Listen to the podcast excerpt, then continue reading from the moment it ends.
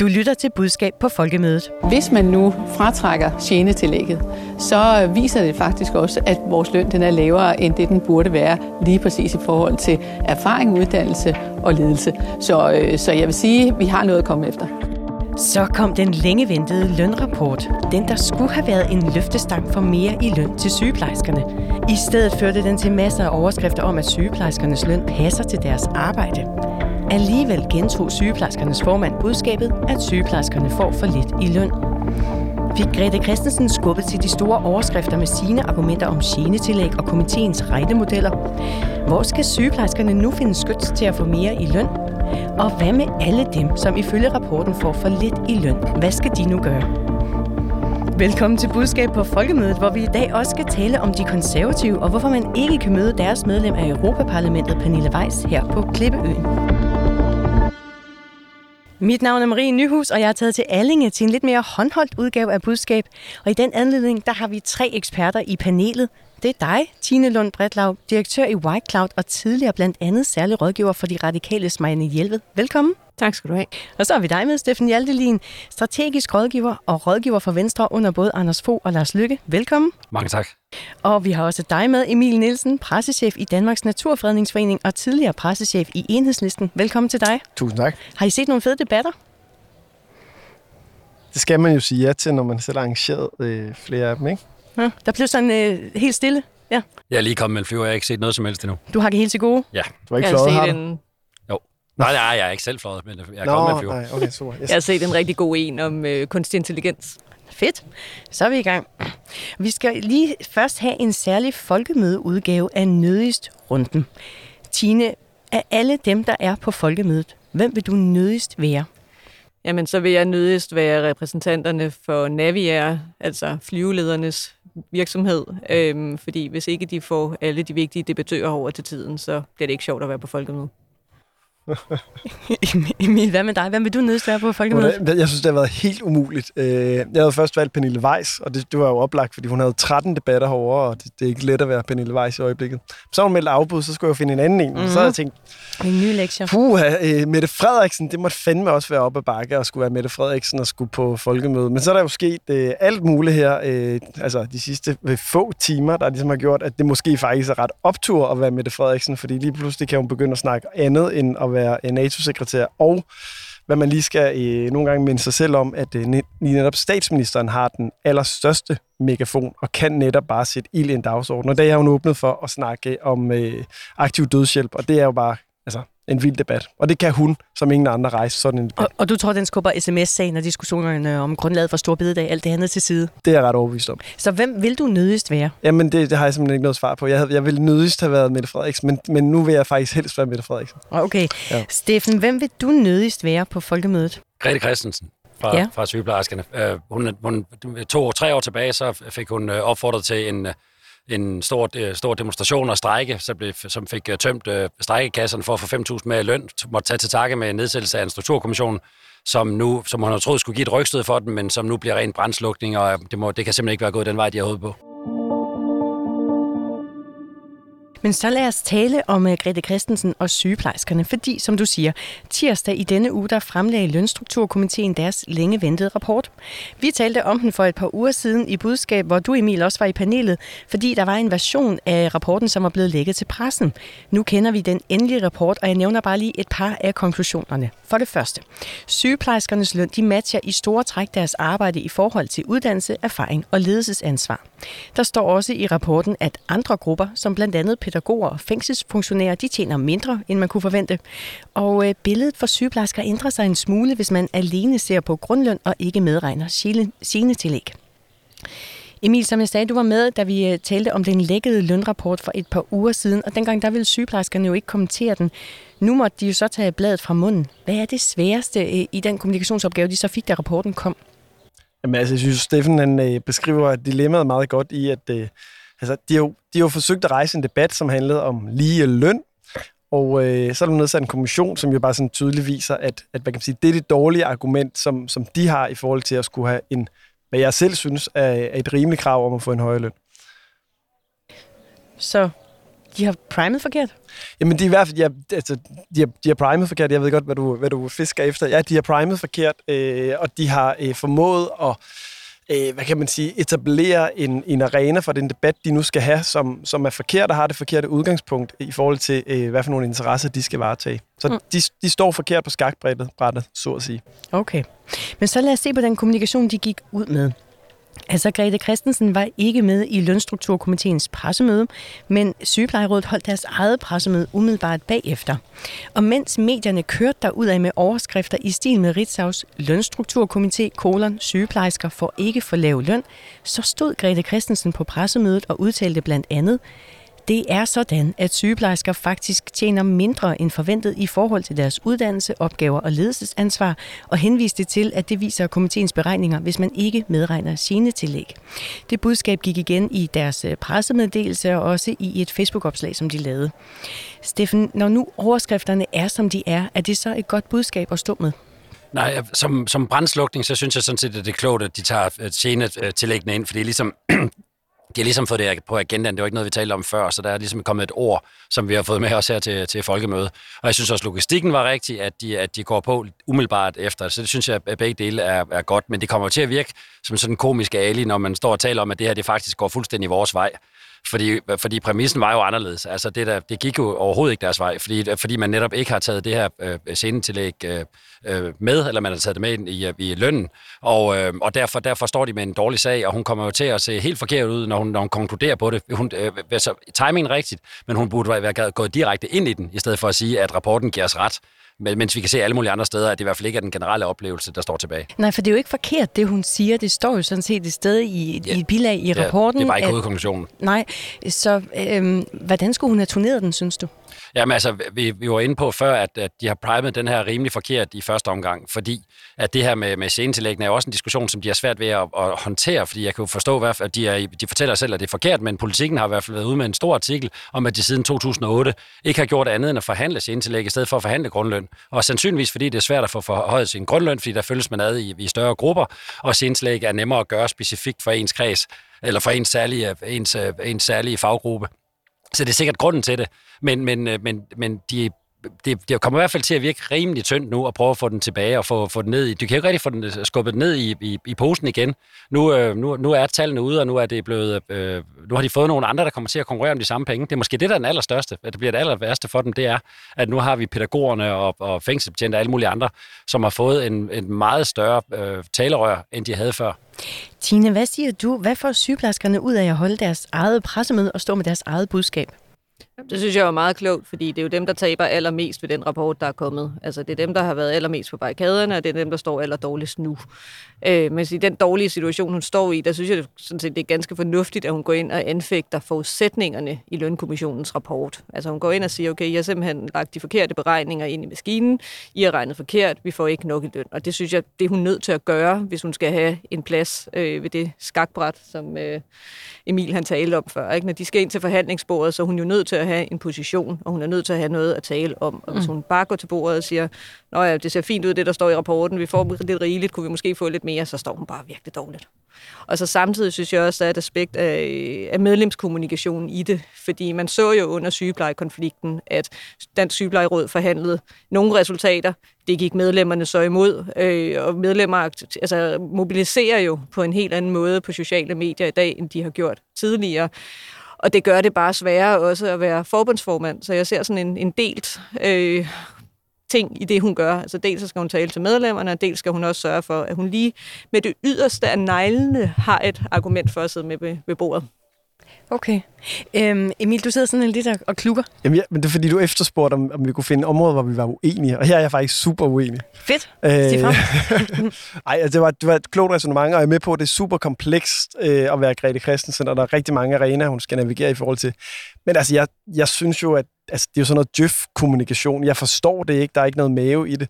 Øh, og jeg synes, hun læser det helt forkert i forhold til, at det, der skal sikre hendes medlemmer højere løn, jamen det er jo en hvad kan man sige, et folkeligt pres på de beslutningstagere, der skal gå ind i et rum og lave en trepartsforhandling, hvor de skal kunne retfærdiggøre, at det er sygeplejerskerne, der skal have højere løn, og der kan hun altså ikke bruge den her øh, rapport til særlig meget. Så hun bruger sin taletid på at gå ind og være sådan lidt, uha, her der er en kommafejl i et eller andet, og det er nogle forkerte forudsætninger, frem for at begynde at tale om... Øh, øh, ventelister og problemer på øh, hospitalerne, som vi alle sammen kan mærke. Og det er jo den kommunikation, der er vigtig, for det er den, der overbeviser øh, hvad kan man sige, befolkningen, og det er sidste, sidste instans det, som politikerne hører efter, når de skal fordele pengene sammen med fagforeningspartner. Men er hun ikke lidt nødt til at have den anden del med, hvis hun ikke fuldstændig skal tabe ansigt i forhold til, hvad hun har sagt frem til nu? Jo, fint, men så må man jo nogle gange tabe... men prøv at, altså, man bliver også nogle gange nødt til at tabe ansigt. Hun skal jo fokusere på, hvad der er hendes vigtigste opgave. Og altså med alt andet kommunikation, så bliver man jo, altså hvis det skal være virkningsfuldt, så må man jo prioritere. Og jeg synes bare, det er den forkerte prioritering. Jeg kan ikke mærke det, jeg kan ikke huske det. Det er sådan noget djøf-kommunikation, hvor hun bruger sin taletid på at øh, gå i rette med nogle tekniske detaljer og med nogle ord, som de fleste danskere ikke kender, frem for at begynde at fortælle om, at øh, vi har et sundhedsmæssigt øh, problem i forhold til, at sygeplejersker har for lavt løn, og der kommer ikke nok sygeplejersker der, eller der er ikke nok, der søger jobbene som sygeplejersker. Så de skulle sige, at vi har et rekrutteringsproblem, løn kan fikse det? Præcis. Det er ret simpelt. Det er en ret simpel talelinje. Jamen, det er jeg enig i. Der burde de have stået hele tiden, og den her kommission har været i gang længe. Altså, jeg ved ikke... At de Halvandet må, år, ja. Ja, og, de, og, og derfor må de jo have, have, altså have sovet, fordi de kunne have primet det her meget, meget øh, inden, hvis de kunne se, at de kom til at gå i en vej, hvor man tog nogle, øh, nogle kriterier, som vil gøre, at, at de vil blive sammenlignet en til en med, med pædagog, øh, pædagoger og, og socioassistenter, så kan de jo regne ud, hvor pokker det vil gå hen. Selv dengang, da vi havde diskussionen, hvis vi husker tilbage, dengang der var, øh, dengang der var strejke, og hvor de, dem, der var sygeplejersker, de konsekvent lagde de her 30 timer om ugen grundløns øh, lønsedler ud med 24.000, og så kom der et, et modsvar fra deres arbejdsgiver for alle mulige andre, som, som sagde, at jeres gennemsnitsløn ifølge jer selv er jo 42.000. Øh, og så der har hele tiden været den der diskrepans, og de kunne næsten regne ud, at når der kommer en, en kommission af økonomer, som kommer til at arbejde øh, med, i bund med det her, så kommer de ikke til at tage udgangspunkt bare i grundlønnen. Så der, det, det, jeg, jeg, jeg mener, at det er rigtigt, at de får sat den her, det her, når det nu ligger, som det gør, så får det her senetillæg øh, øh, ind, altså ind i diskussionen, så folk kan, nu taler vi om det, vi har talt om det her. Altså det var ikke nogen af os, der vidste det for en uge siden, eller i hvert fald ikke kunne i talsætte det. Men, men det egentlige, det er, der er jeg enig med Emil, selvom vi skulle være uenige, det er, at det er efterspørgselskriterier, som er fuldstændig afgørende, og som enhver ved, altså hvis ikke du kan skaffe sygeplejersker, så bliver vi nødt til at give dem noget mere løn for at skaffe sygeplejersker. Det er jo ikke sværere end det. Altså, det og, og, og det bliver, altså hun går ligesom ind og accepterer øh, præmissen, øh, selvom hun angriber den. Det er ikke, det er ikke særlig tydeligt. Godt, og så skal vi øh, øh snakke lidt om, undskyld, om pressemeddelelser, fordi spørgsmålet er, om der nu bliver en form for rivegilde mellem de fagforbund, hvor lønrapporten siger, at deres medlemmer får for lidt i løn. I efteråret skal der være trepartsforhandlinger øh, om at fordele en lønpulje på 3 milliarder til bedre løn og arbejdsvilkår for nogen offentligt ansatte. Og nogle af dem, som rapporten siger får for lidt i løn, det, kan, det er sådan nogle som pædagoger, fængselsbetjente, socialpædagoger og bioanalytikere. Og I har alle tre øh, her i panelet sagt, at de grupper, de skal bare give fuld gas nu med øh, at kommunikere ind i lønkampen. Og efter Lønstrukturkomiteens rapport, der væltede det jo også ud med reaktioner på rapporten, blandt andet i form af pressemeddelelser. Så I har fået lidt lektie for. Jeg har fundet tre af de mange pressemeddelelser, som gik ud efter øh, Lønstrukturkomiteens pressemøde, og hvor fagforbundene bruger rapporten til at ønske sig mere i løn. Spørgsmålet til jer er, hvilken pressemeddelelse fungerer bedst i forhold til at positionere sig til at få flere lønkroner. De, tre, de tre kandidater i feltet er øh, pædagogernes fagforbund Bubel, Socialpædagogerne og så Fængselsbetjentenes forbund, Fængselsforbundet. Vi kommer lige med en lille afsløring for at snyde lidt på forhånd her. Altså, I er faktisk enige om, hvem som er vinder. Steffen, hvem har lavet den bedste pressemeddelelse? Ja, det har Bubel. Hvorfor? Fordi den er, den er helt lige på, og de øh, problematiserer det ikke yderligere. Øh, rapporten viser, at vi får for lidt øh, vi bør have mere. Så de har en, en klar vinkel? Ja. Og den er samfundsrettet? Den er, ja, den er samfundsrettet, og det, er, og det handler om vores børn. Det får de også med. Og det hele, det er, om, når du læser de tre første linjer, så har du forstået, hvad deres budskab er. Godt. Og I nikker. I der, er, der er mave i kommunikationen fra Bubble. Det er ikke, det er ikke djøf-kommunikation. Jeg synes altså ikke altid, det der djøf-kommunikation er så skidt. Altså, fordi det er ikke kun med maven, man kan træffe beslutninger. God pointe, Tine. Men lad os lige lad os se på jeres... Nå, nå. Ja, ja, ja. Det er da rigtig hovedgang godt have med. Hvem er på jeres anden pladser? Tine? Jamen, jeg har øh, socialpædagogerne på min anden plads. Og hvorfor, øh, hvorfor får de øh, trods alt sølv hos dig? Jamen, det får de primært, fordi jeg synes, fængselsforbundet er dårligst. Øhm, Nå, men der må da være noget, de så gør bedre. Ja, men jeg synes, det, det synes de er meget skarpe på. Jamen, de får ikke nok i løn, øh, og så er de også inde og tale om, at de faktisk gerne vil anerkendes for deres arbejde, fordi det er også en, øh, en faggruppe, som får meget, meget lidt anerkendelse i deres daglige virke for den opgave, de løfter øh, på samfundsniveau, og der synes jeg faktisk, de ligger meget fint. Ja, okay. Øhm, Emil, øh, hvem har du på din anden plads? Jamen, jeg er jo egentlig fængselsforbundet på min anden plads. Ja, og hvorfor så Øh, det? Jamen, det er jo mest fordi, at jeg, jeg synes, øh, at vi er simpelthen ikke enige i dag, Tine. Det, det, det er meget vildt. Men jeg, altså, jeg, jeg får det sådan helt dårligt, når jeg læser øh, socialråd, eller socialpædagogernes øh, pressemeddelelse, fordi jeg synes virkelig, den er dårlig. Ikke? Øh, det synes jeg også fængselsbetjentenes øh, er, men øh, dog ikke lige så dårligt som øh, socialrådgivernes. Nej, for helvede. Socialpædagogernes. Det er sådan, man skal have stavepladen frem. Øh, jamen, hvorfor synes jeg, at, øh, at den er dårlig? Jamen, det gør jeg, fordi at den er, øh, altså, den er teknisk, og den er besværlig, og nu prøvede jeg at læse den, og så skulle jeg prøve at gengive for mig selv, hvad er det egentlig, det handlede om, og det kunne jeg simpelthen ikke finde ud af at gengive. Så, så det er jo sådan et, et, et ret, god, ret god test på enhver pressemeddelelse, at man faktisk kan forstå, hvad det handler om, og det gør jeg simpelthen ikke. Og Steffen, vi skal have din anden plads også. Jamen, jeg, jeg, jeg, jeg er også på, at de er lige ringe på hver deres måde, og, og jeg, når jeg har socialpædagogerne, så er det fordi, at den er så, den er så lang i spyttet. Den er helt modsat af Bubble, så den bliver... Har du socialpædagogerne på anden Jeg plads? har en del tredje plads, hvis du lader begge to. Jeg synes, Nå, de er lige okay. ringe for hver sit. Altså, jeg Okay. kan ikke, ikke, Men, men lad os lige Men have hvis din jeg- kommentar til Fængselsforbundets ja, ja, det, er, det, jeg synes, der er en pointe med, med, med, med Fængselsforbundet, det er, at øhm, der er jo ikke ret mange mennesker, som går til dagligt. Det har jo ikke været en del af den offentlige debat, at fængselsbetjente fik for lidt. Det var jeg ikke klar over. Det, det har ikke fyldt ret meget i den, i den offentlige debat.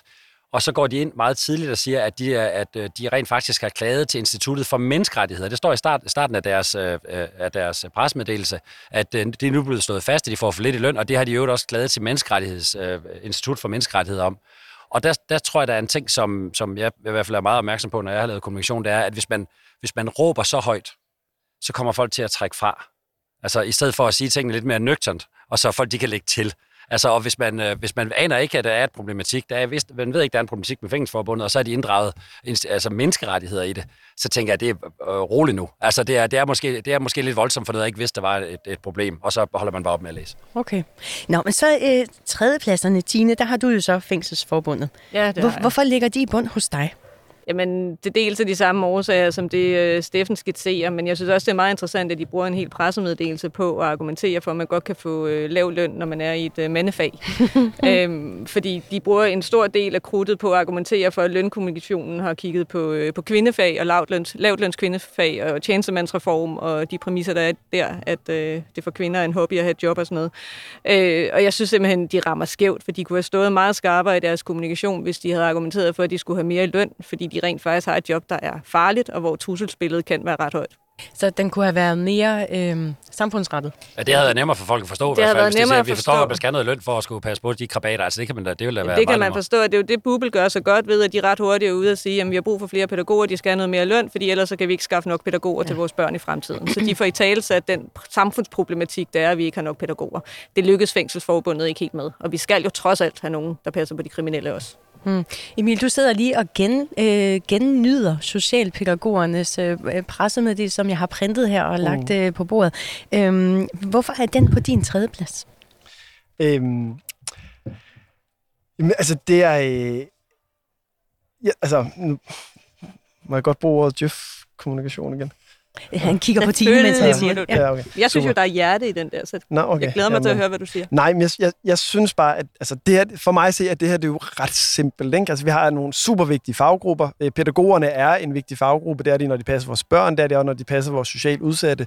Øh, de løfter en su- suveræn vigtig øh, samfundsopgave. Og i stedet for at bruge deres tale, taletid til at fortælle om, hvorfor at de som faggruppe er vigtige, hvorfor de udgør en central funktion for vores samfund, og fortjener dermed højere løn, og det er et problem strukturelt, at, at, at, at pædagoger får så lavt løn, jamen så bruger de det til at snakke øh, strukturel ligestilling og alt muligt teknik, som, hvor de taber folk. Og det kan godt være, at, at der er nogen af os, der sidder og synes, at det er også øh, urimeligt, at, det, at der er noget med, med ligeløn og alt muligt andet. Men, men hvem er det, de kommunikerer til? Hvis de gerne vil være mere i lønposen, så skal de da kommunikere til den bredere offentlighed, der kan lægge pres på politikerne og være med til at skabe hvad kan man sige, klangbund for, at de kan stå stærkt og kræve højere løn for at løse nogle centrale øh, samfundsmæssige udfordringer. Og det synes jeg, de glipper. Og det er jo, hvad kan man sige, nu var det Steffen, der f- roste den øh, konkurrerende øh, pædagogfagforening Bubble. Det er jo det, de gør. De fortæller, hvorfor er det vigtigt, at vi skal have højere løn, og det synes jeg, at det jo også, at socialråd, socialpædagogerne burde gøre. Kæft, hvor er det svært at finde rundt i de der fagforbund. Men de der, mangler en vinkel, hører jeg dig sige. Ja, det, det, det er jo sådan noget sludder djøf-kommunikation. Så må jeg gentage det. Tine? Jamen, jeg synes jo egentlig, at han har meget godt fat i Benny der, og også at få kommunikeret til de andre fagforbund, at nu bliver vi simpelthen nødt til at stå sammen i den her kamp også, fordi der er jo ingen tvivl om, at der er en positionskamp i gang. Det så man også med rapporten, der blev lægget, som vi talte om tidligere. Øh, og han har jo selv siddet med i forhandlingsudvalget og så videre, så han har jo også et behov for i sin position at kommunikere samlende. Og så er jeg enig med Emil i, at det er lang i spyttet, men det er også igen, hvem er det, han taler til? Fordi jeg er ikke sikker på, at han med den taler til den almindelige dansker. Mm. Jeg lagde mærke til, at, så at Socialpædagogernes øh, pressemeddelelse, den var på, øh, på Ritzau 21 minutter inde i Lønstrukturkomiteens øh, pressemøde. Steffen, spiller det en rolle, at man kommer først i sådan en situation, ja, hvor man må forvente, at, at mange altså, går ud med, ja, med noget det synes jeg er sejt, fordi de, de, har de har jo kunnet regne ud, at, øh, at man... Øh, at, at der bliver mange ombud her, og det gælder om at komme, komme tidligt ud. Så det synes jeg sådan set er sejt. Det der så er altså, den, den klassiske, det klassiske citat om, at det, jeg har skrevet det kortere, hvis jeg har haft længere tid, øh, spiller måske også ind her, og havde de taget lidt længere tid, kunne de måske have skrevet det lidt kortere.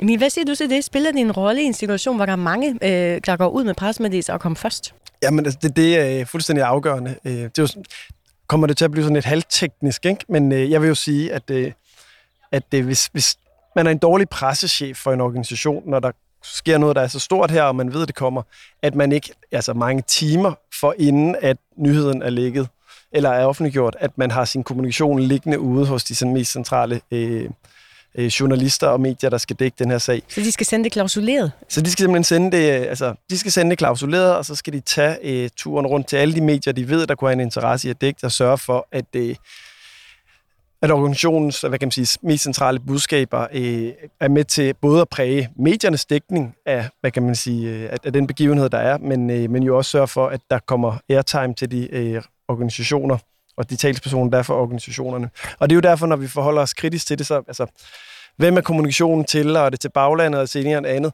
Jamen, en pressemeddelelse her er jo også en anledning for, at de selv skal være skarpe på, hvad er deres vinkel, og så er det deres mulighed for os at præge journalisterne for inden, øh, at nyheden sker, øh, med de perspektiver, der er vigtige for den pågældende organisation. Og derfor synes jeg, at det, at det er useriøst, at man ikke har gjort sit forarbejde bedre. At man ikke er mere forberedt på at have en skarp vinkel, som der kan kvalificere journalisternes dækning af øh, her Lønkommissionens øh, rapport. Det blev langt beklager.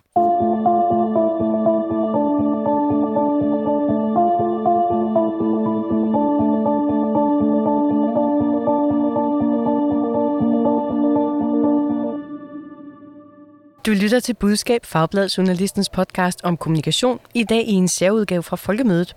Husk, at du altid kan skrive til Budskab, hvis du har spørgsmål til podcasten, eller måske du har et dilemma fra dit kommunikationsjob, som du gerne vil høre eksperternes bud på. Skriv til budskab journalisten.dk.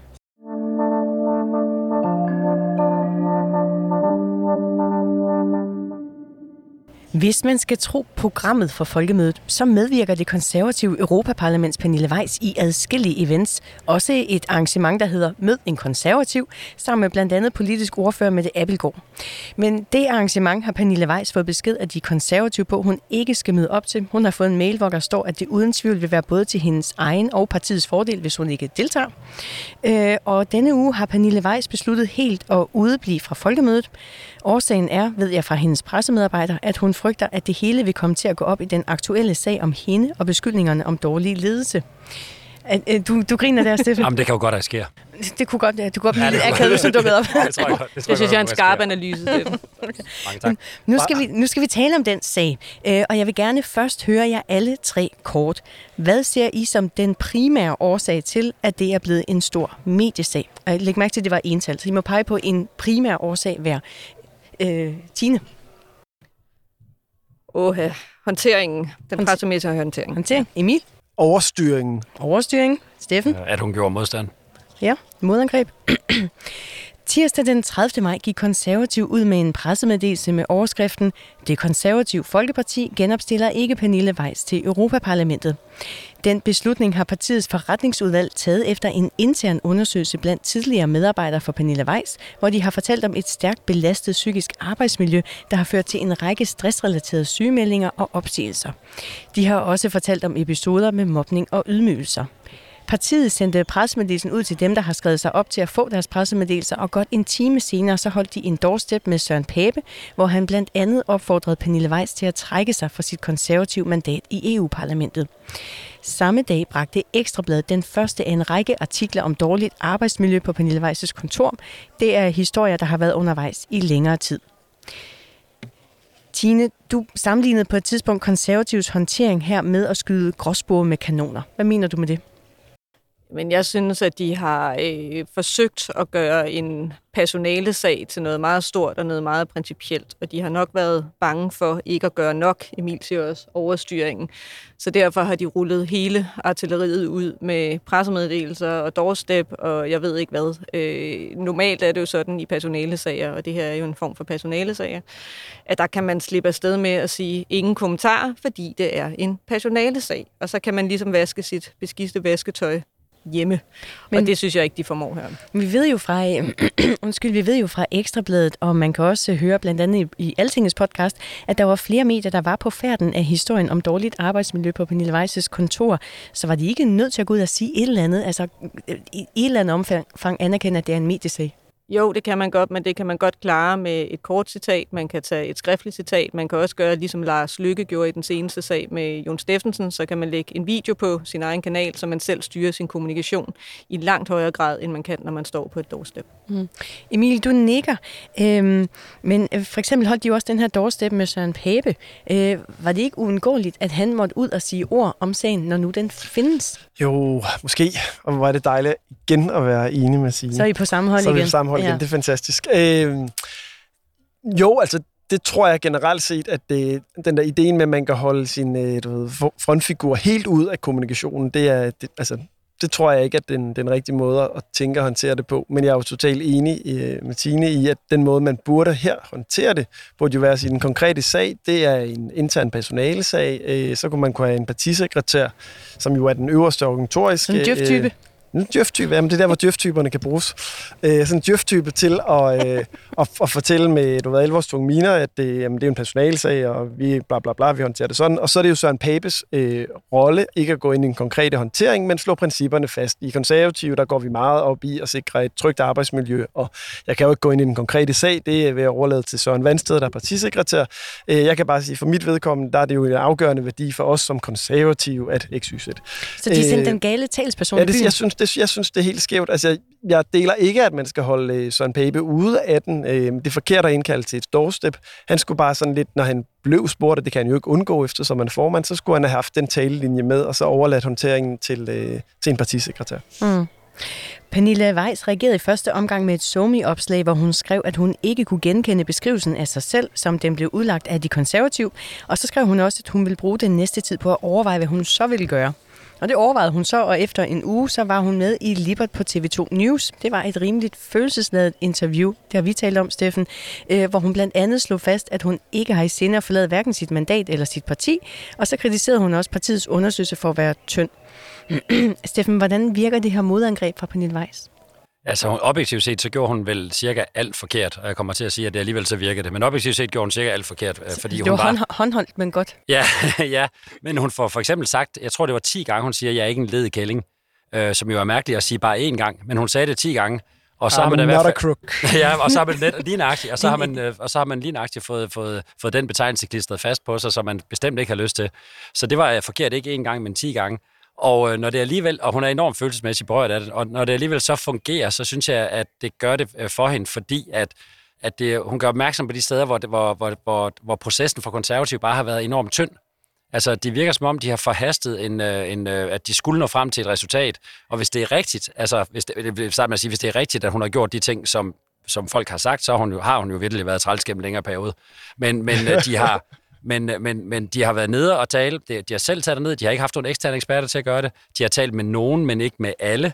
Det, der er ikke nogen personalsager på hende. Der er ikke nogen, der har klaget. Der er ikke nogen, der har klaget til HR. Øh, og man har ikke spurgt hende.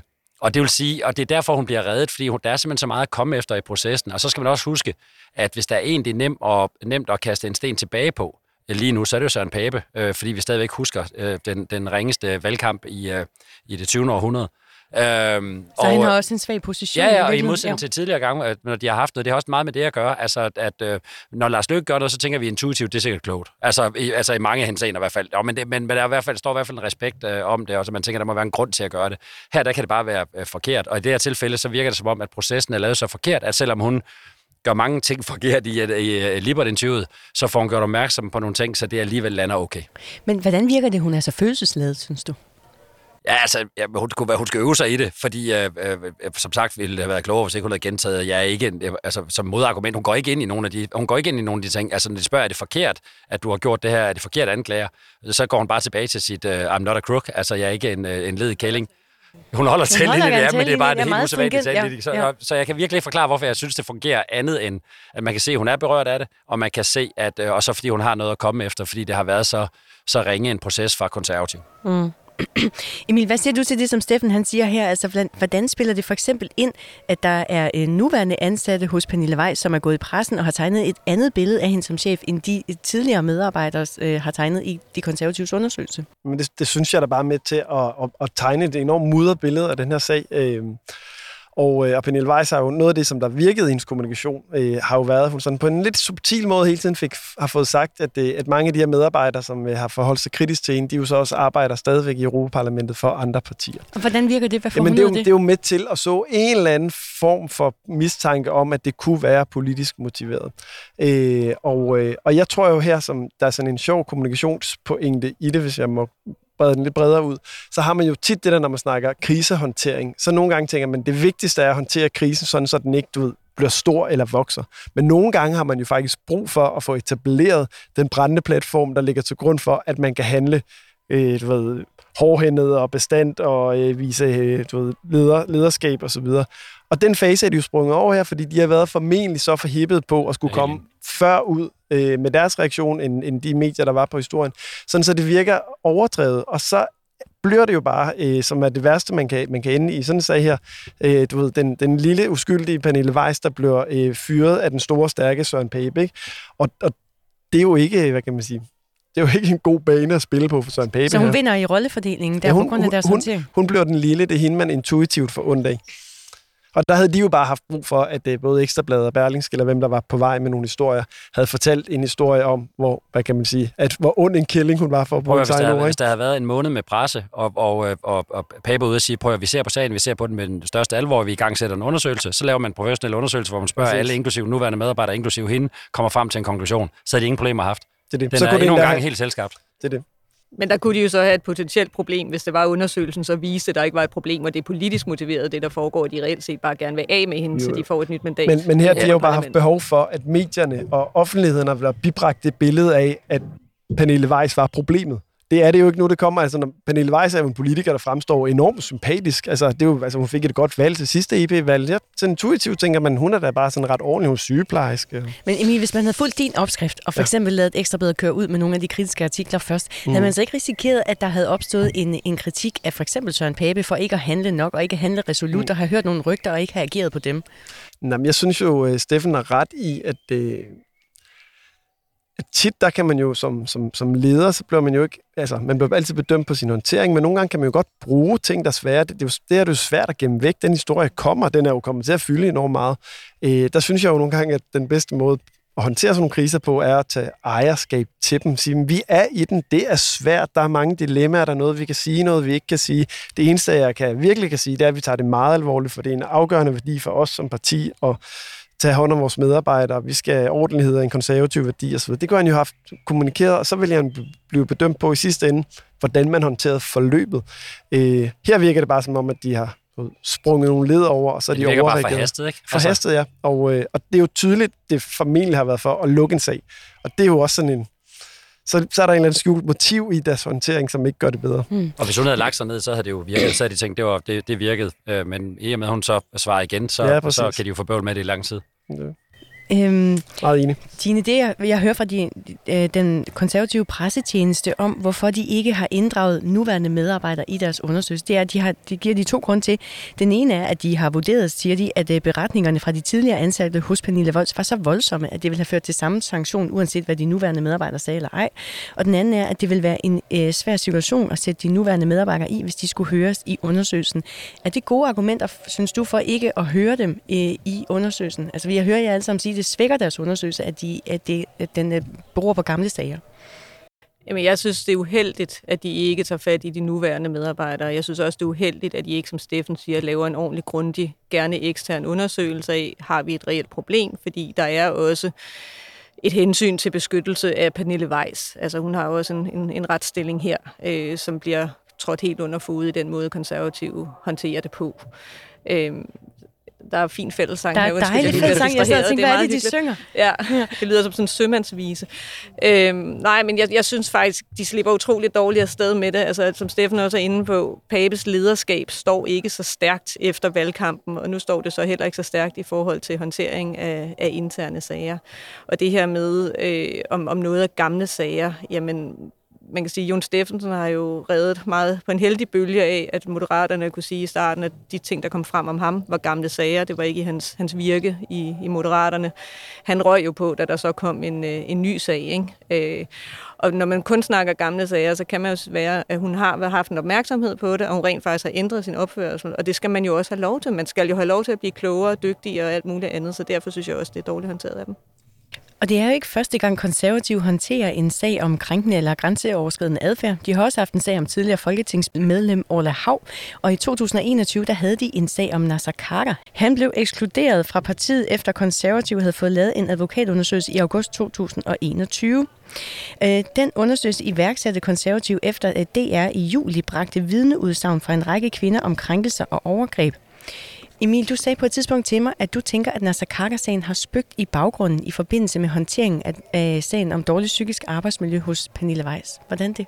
Men altså, sådan som jeg husker det, øh, så var der jo langt forløb op til, at de trækker den øh, hvad kan man sige, ultimative, ultimative sanktion og ekskluderer Nasser Carter, som formentlig har været en skrækkelig periode for, øh, for Søren Pape og for ledelsen af konservative, fordi det ligesom bare var en historie, at han ikke de ikke, de ikke handlede, og de ikke tog det alvorligt. Og, øh, og man kan sige, lige når det handler om Nasser Carter, havde det jo været en historie, som havde fyldt enormt meget på gangene på Christiansborg. Vi har alle sammen haft en berøring med Christiansborg. Øh, og formentlig stødt på den historie om øh, Nasser Carter. Øh, eller flere historier om Nasser Carter. Så derfor var det svært for Søren Pape ikke at handle resolut, fordi at det var ligesom tydeligt, at her der skulle han have handlet. Ikke? Og der tror jeg, det sidder den bare printet bag i baghovedet på dem, at øh, den situation vil de ikke gå igennem sådan en træls måned igen. Nu skulle de virkelig bare handle første gang og tage kort proces. Og øh, det er jo så heller ikke svaret, så det er fandme også svært, det må man sige. Jamen, jeg tror også, hvis de kommer til at vurdere de to øh, øh proces over for hinanden, så tror jeg nok alligevel, de vil stå tilbage med at sige, at Nasser Carter-måden var den bedste. Altså tingene kom frem, øh, det var også øh, båret af, af pressen, og så sætter man nu vildt ordentlig eftersøg, øh, undersøgelse i gang, og så drager man sin konklusion bagefter. Altså, det, det, jeg, jeg tror sådan set, det er den eneste, den eneste vej, hvis man som lytter skal tage noget med, i stedet for at forhaste noget ud på, på, på sådan noget øh, halvlunken, selvgennemført. Øh, det går ikke, altså når der er mennesker på spil. Mm, god pointe, jeg er enig. Det er også så tag kriserne. Så nu, ja, tag altså, kriserne, ja. Og tag jer tid, ikke? Så når kriserne raser, så tag den tid, der er nødvendig til at få et ordentligt grundlag at tage beslutninger på. Tine Lund Bredlav, Steffen Hjaltelin, Emil Nielsen, tak for at være med i budskab i dag, og så vil jeg ønske jer alle sammen et rigtig godt folkemøde. Og lige måde. Tak og lige måde. Tak. Du lyttede til Budskab, Fagbladet Journalistens podcast om kommunikation. Mit navn er Marie Nyhus, og jeg er redaktør og vært på Budskab. Park Productions står for lyd og teknik. Du hører et klip fra TV2. Vi er tilbage i næste uge med en helt almindelig udgave af Budskab. Husk, at du altid kan skrive til os, hvis du har input eller idéer. Skriv til budskab Hvis du kan lide at lytte til budskab, så giv os meget gerne en anbefaling. Tak fordi du lyttede med.